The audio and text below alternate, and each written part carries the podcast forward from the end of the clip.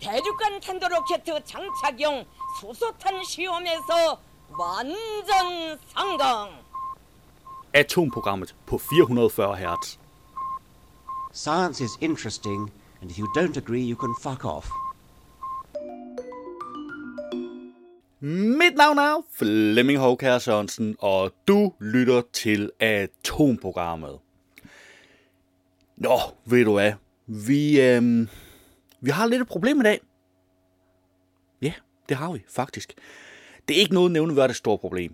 Jeg har øh, redaktionel deadline lørdag morgen. Det er du egentlig jævnt ligeglad med. Men øh, her øh, lørdag morgen, der har NASA stadigvæk ikke udsendt en ny This Week at NASA. Det vil sige, at jeg ved faktisk endnu ikke, om vi slutter udsendelsen af med This Week at NASA. Det gør vi jo selvfølgelig ikke, hvis ikke der kommer en ny. Så øh, det jeg gør nu, det er, at jeg laver faktisk hele udsendelsen.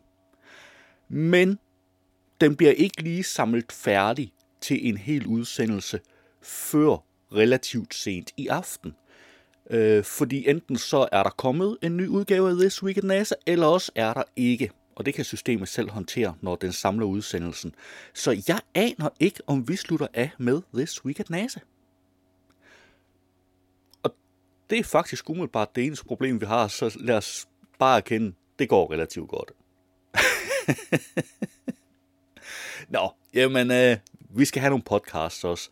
Altså, jeg kunne egentlig godt tænke mig, at der er jo flere af, af de podcasts, vi sådan øh, generelt følger her i, øh, i programmet, der ja, måske øh, kom tilbage fra sommerferie eller sådan et eller andet. Fordi vi har sådan de, de tre trofaste. Vi har nemlig vanvittig verdenshistorie. Sprængfarlige spilopper.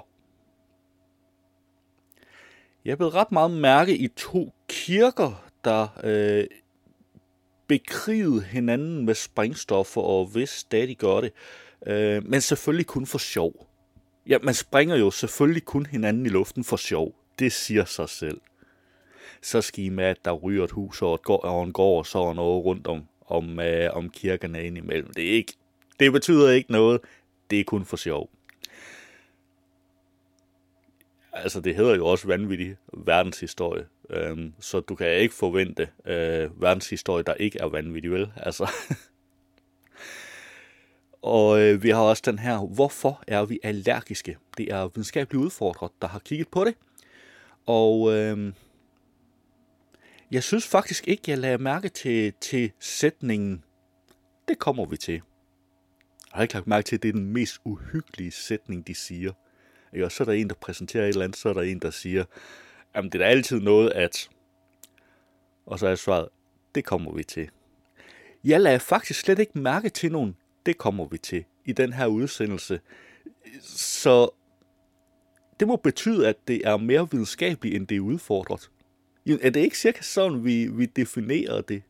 Ikke også? Altså det, fordi det er cirka der omkring, hvor det kommer vi til, at det for alvor begynder at, at blive sådan rimelig udfordret. så den her gang, der kan vi bare beskrive det som videnskabeligt. Ja. Derudover så har vi selvfølgelig også Science Stories. Og sidste gang, der øh, hørte vi del 1 af Min Digitale Hjerneskade. Og den her gang er det del af Min Digitale Hjerneskade. Og det handler selvfølgelig stadigvæk om det der med, om vi er ved at, at miste nogle evner på grund af den måde, vi bruger hovedet på. Men det hele, det skal jo ikke gå op i podcasts. Hverken øh, dem, vi skal høre klip fra, eller dem, der måske, måske ikke når at udkomme, inden øh, udsendelsen skal gøres helt færdig. Nej, vi skal nemlig også have nogle nyheder. Vi skal have bekymrende milepæl. Regn på toppen af Grønlands indlandsis registreret for første gang. Ligesom vi skal have opdagelse.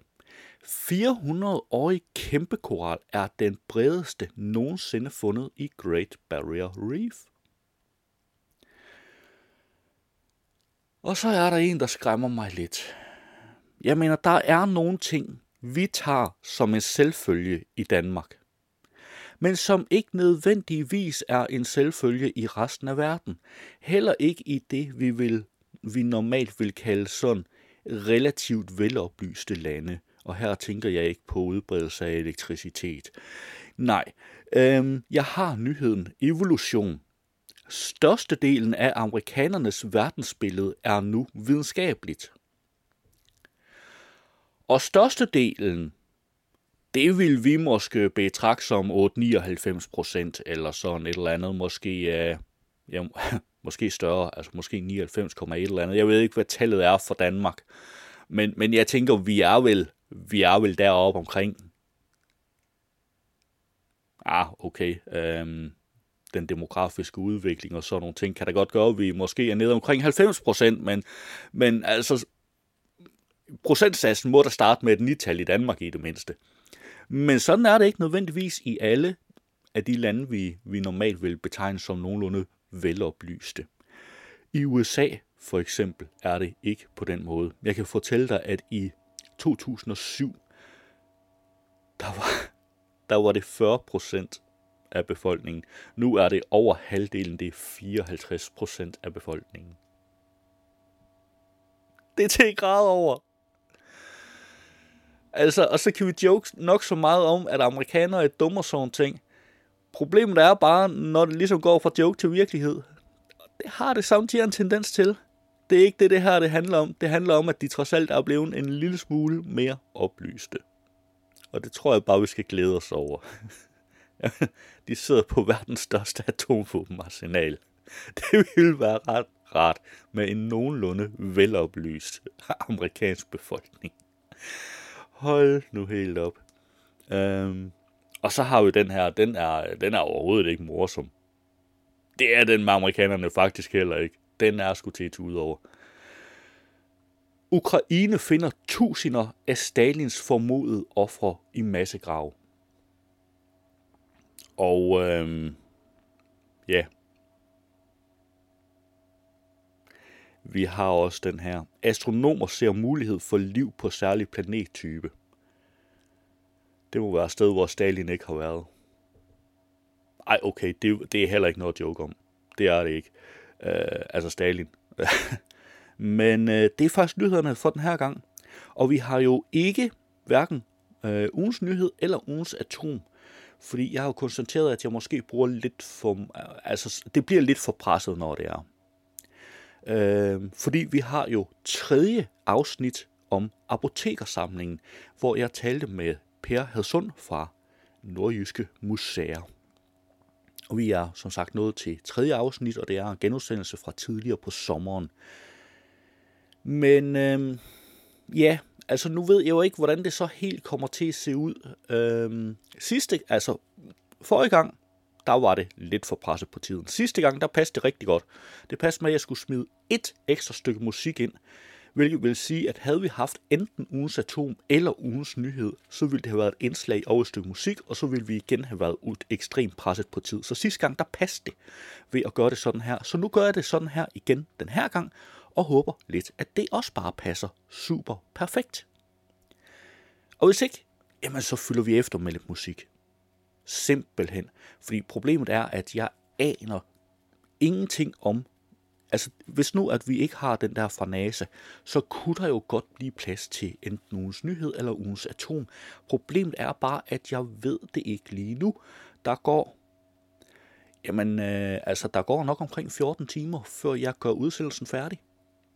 Så øh, øh, jeg håber bare, at NASA de ligesom øh, kommer med i gamet i løbet af de her 14 timer. Nå, men øh, lad os komme i gang, og øh, så skal vi ikke kede dig mere med, øh, med redaktionelle deadlines. Lad os kaste et hurtigt blik på, hvilke podcasts, der er dukket op i løbet af ugen.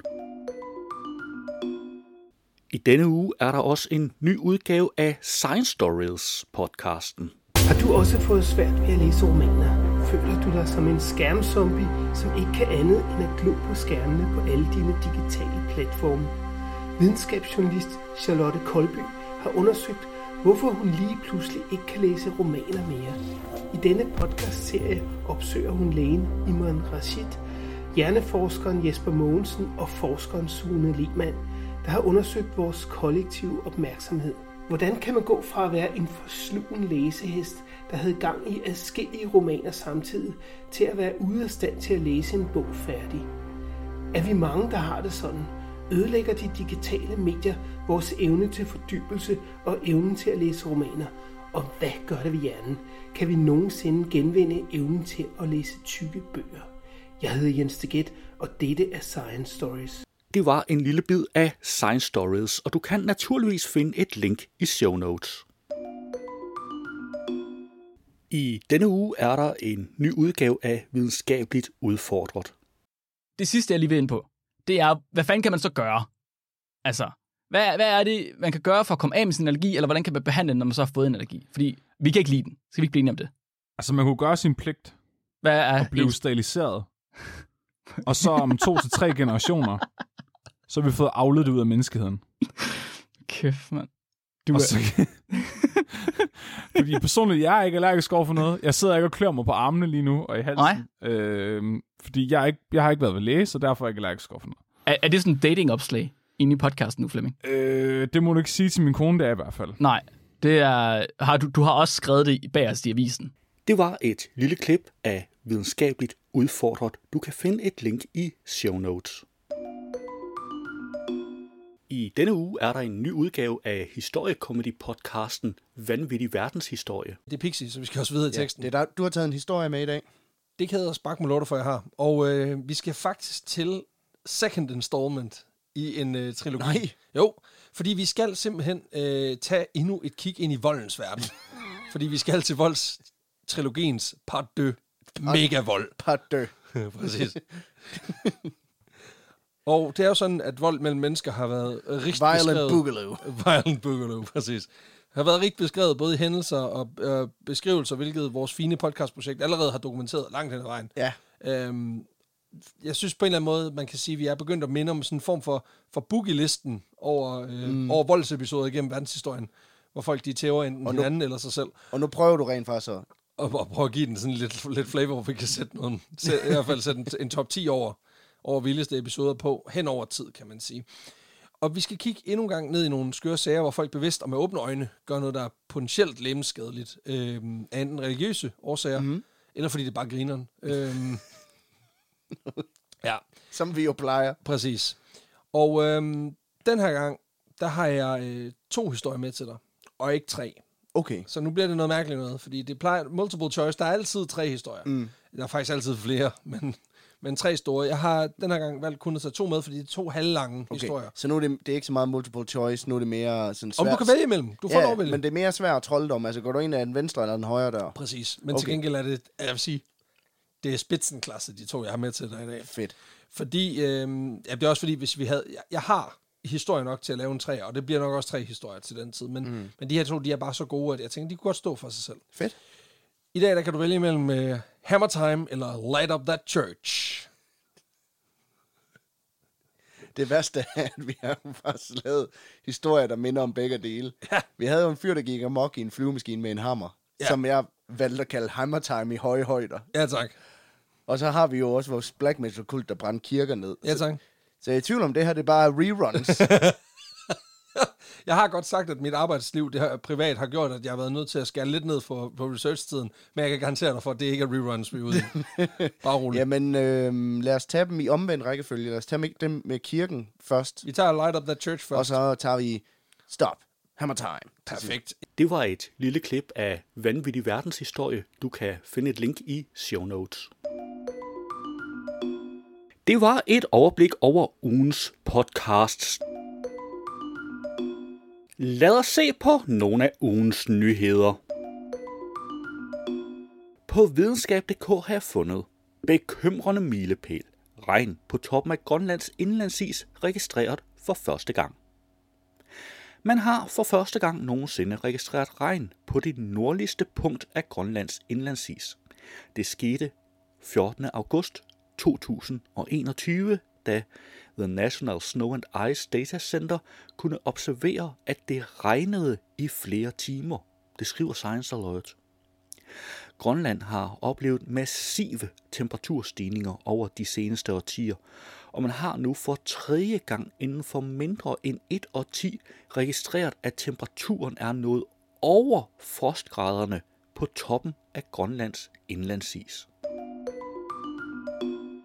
På videnskab.dk har jeg fundet opdagelse. 400-årig kæmpekoral er den bredeste nogensinde fundet i Great Barrier Reef. Great Barrier Reef i Australien er truet, men i marts fandt et Citizen Science projekt en kæmpe koral på 7,4 meters dybde. Nu har forskere bekræftet, at der er tale om Great Barrier Reefs bredeste koral. Af lokalbefolkningen er den kendt som Mugga Dambi, stor koral. Den er mellem 421 og 428 år gammel, 5,3 meter høj, 10 meter i diameter og har indtil videre overlevet invasive arter, mennesket, 80 cykloner og 100 koralblejninger. På videnskab.dk har jeg fundet evolution. Størstedelen af amerikanernes verdensbillede er nu videnskabeligt. Trump forvandlede videnskaben til hvidløjt i frugtsalaten, men you don't microwave a salad, som tv-kongen Gordon Ramsay i sin tid udtrykte det. Og hvidløget gik der heller ikke ubemærket hen, da to af videnskabens tungeste tidsskrifter, New England Journal of Medicine og Scientific American, trådte til med en opfordring til at få afsat chefkokken. Men tiderne ændrer sig. Videnskaben er tilbage i amerikanernes bevidsthed, og ifølge et nyt studie svarer over halvdelen, 54 procent, af USA's indbyggere i dag ja til udsagnet. Mennesket, som vi kender i dag, har udviklet sig fra tidligere dyrearter. Det tal lå i 2007 på omkring 40 procent. På Ekstrabladet har jeg fundet, Ukraine finder tusinder af Stalins formodede ofre i massegrav. De jordiske rester af tusindvis af mennesker, der menes at være ofre for den tidligere sovjetleder Josef Stalins regime, er blevet fundet i massegrave i byen Odessa i det sydlige Ukraine. Det oplyser de ukrainske myndigheder onsdag. Forløbigt er der fundet knogler fra mellem 5.000 og 8.000 mennesker i et område tæt ved Odessas lufthavn. Dermed er det samlet set en af de største massegrave, der nogensinde er fundet i Ukraine. Offerne blev formentlig henrettet af Stalins hemmelige politi i 1930'erne. På Ekstrabladet har jeg fundet, astronomer ser mulighed for liv på særlig planettype. Astronomer har en ny klasse af planeter i kikkerten som potentielt hjemsted for liv i rummet. Det fremgår af et nyligt offentliggjort studie i Astrophysical Journal, skriver den britiske avis The Guardian torsdag. Hidtil har forskere i deres søgen efter liv i rummet især set på planeter med jordlignende atmosfære, størrelse, masse og temperatur. Men såkaldte Hycene planeter har nu fanget deres opmærksomhed. De er varme, dækket af oceaner og kan være væsentligt større end jorden, og deres atmosfære er rig på brint. Det var ugens nyheder, og du kan naturligvis finde links til samtlige artikler i show notes. Jeg står her sammen med Per Hadsund fra Nordjyske Museer op i Apotekersamlingen. Og så vidt jeg har forstået, så vil Per i den her uge fortælle os lidt om medicin, der ikke virker. For øh, det har der sandelig også været noget af. Nu synes jeg altid, det er meget, meget svært at sige, om medicin virker. Altså jeg vil faktisk påstå, at medicin altid virker. På en eller anden måde. Det kan godt ske, at det ikke virker i sådan en moderne randomiseret øh, blindtest og laboratorieforsøg. Og at vi kan sådan belægge det med moderne øh, naturvidenskabelig evidens. Men derfor kan det altså godt have haft sin virkning, eller skal vi kalde betydning, øh, før i tiden. Og, og jeg har fundet et par skuffer frem her med et par meget gamle og klassiske midler, øh, som ret hurtigt ryger ud af sådan lægemedicinen. Men da apotekeren jo er købmand, og han får uden den der lægemedicin, han skal have stående, sælger alt det, folk gerne vil have, så har det stået her på loftet i århundreder. Og den ene af skufferne her er, blandt alle de hundredvis af skuffer, vi har heroppe, er det måske min yndlingsskuffe. Og der står på fronten af den, der står der Sankvi Hirsi, hvilket betyder øh, hjorteblod, eller bukkeblod, ikke hjorteblod, men bukkeblod, gedebukkeblod. Og det er sådan et gråsort eller brunsort pulver. Og det er efter al sandsynlighed tørret blod. Vi er ikke helt sikre, men vi er faktisk ved at få det undersøgt. Man har brugt øh, tørret bukkeblod til flere ting, men det er ikke noget, man finder i de der øh, officielle lægemiddelforskrifter, altså farmakoperende. Der ryger det ud øh, omkring 1700 faktisk. Men man, øh, man finder det i folketroen. Et, et af de sidste steder, jeg har fundet det, og et af de eneste for øvrigt, sådan på skrift, det er i et lille klædehæfte, hvor en øh, møllerkone nede fra en by, der hedder Skrødstrup, nede ved Maja. Øh, jeg siger nede, fordi vi står i Aalborg, så det er lidt længere nede i landet, i Østjylland. Hun har skrevet et, et øh, råd, jeg ved ikke, om hun har brugt det, men hun har modtaget det et eller andet sted fra, skrevet det ned, hvis nu hun skulle få brug for det. Og det handler om, hvad man skal gøre, hvis man får så ondt i ryggen, at man ikke kan trække sit vejr.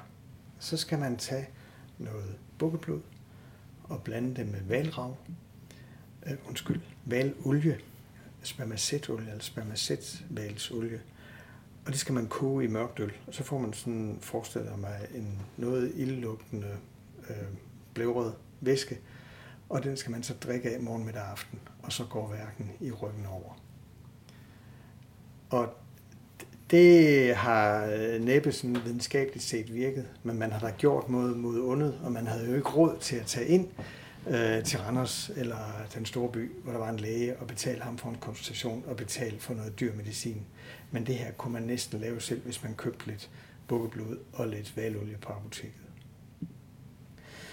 Og ved siden af det er så noget, øh, hvor vi er helt over i det religiøse, øh, og som har levet rigtig, rigtig længe. Det er nogle små øh, brunrøde lærklumper, og hvis man kommer helt tæt på dem, de er sådan et par centimeter i diameter, så kan man se, at de er lidt fladtrykte, og de har et lille sejl øh, i form af en pavekrone øh, på den ene side.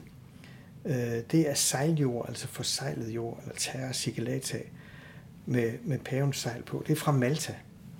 Øh, og det er munkene på Malta, der har fået formet de her af den stedlige lær. Øh, og der mente man simpelthen, at fordi profeten Paulus på et tidspunkt var strandet på Malta, det mener man i hvert fald på Malta, at han var, øh, så blev jorden, øh, så at sige, gennemimprægneret af hans hellighed i den grad, at alle øh, giftige dyr mistede deres giftige virkning. Så hvis man øh, spiser lidt af det her, og for øvrigt er from og siger de rigtige bønder imens, så vil øh, det virke som øh, en, en modgift mod hvad som helst. Og man kan der også ligesom øh, spise det på forhånd, og så vil man være beskyttet måske et halvt år. Og, og det har vi altså stående her, selvom lægerne ikke har, har troet på det siden 1600-tallet, så har man haft det stående langt, langt op øh, i tiden her på apoteket. Vi ved ikke, øh, hvor længe man er blevet ved med at sælge det. Men det er igen sådan et, altså et religiøst, faktisk kristent folkelægemiddel, der er blevet stående her. Men hvis vi skal gå til alle tiders mest fantastiske lægemiddel, så skal vi herover til den absolut største beholder, der er i hele samlingen. Den store terjak-beholder. Øh, den er godt en halv meter høj, og på fronten af den er tin, og så er der sådan en flot øh, øh kartus foran, hvor der med guldbogstaver er malet kongens monogram, Christian den 5. Øhm, og så står der foran Teriaka Andromakos og Andromaki. Og det er fordi det er Andromakos, som var kejser Neos livlæge i første århundrede efter Kristi med i, øh, i Romeriet. Øh, og kejser Neos livlæge Andromakos, han blev bedt om at lave en universel modgift, sikkert fordi kejseren med god grund var bange for at blive forgiftet.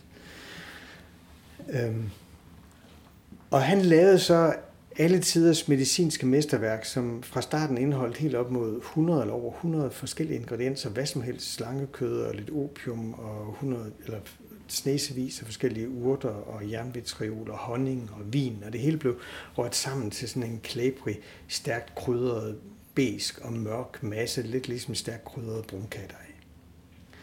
Og det blev man ved med at lave igennem århundreder, hvis man var en apoteker, der havde, var i stand til at lave det her. Det krævede virkelig meget, for det skulle være urter, der kom fra det oprindelige sted, altså nede i Italien.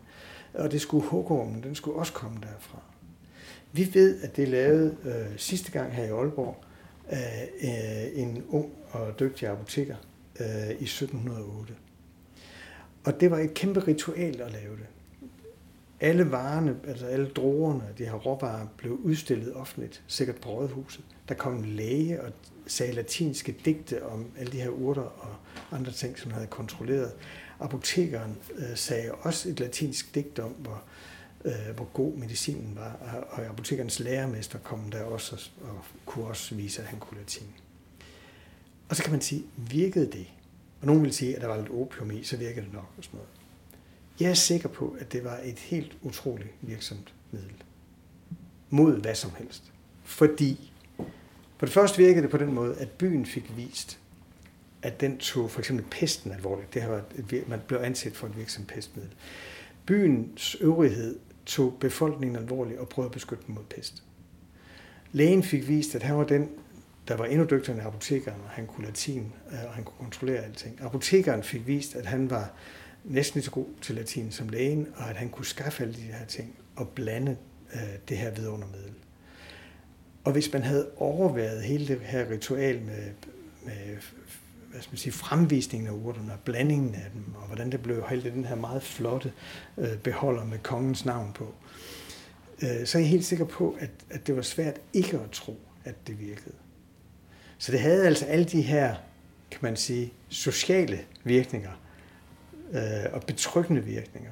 Og ved siden af det, så kan man sige, at hvis der findes placebovirkning, og det gør der jo, så er det her verdens bedste placebomiddel.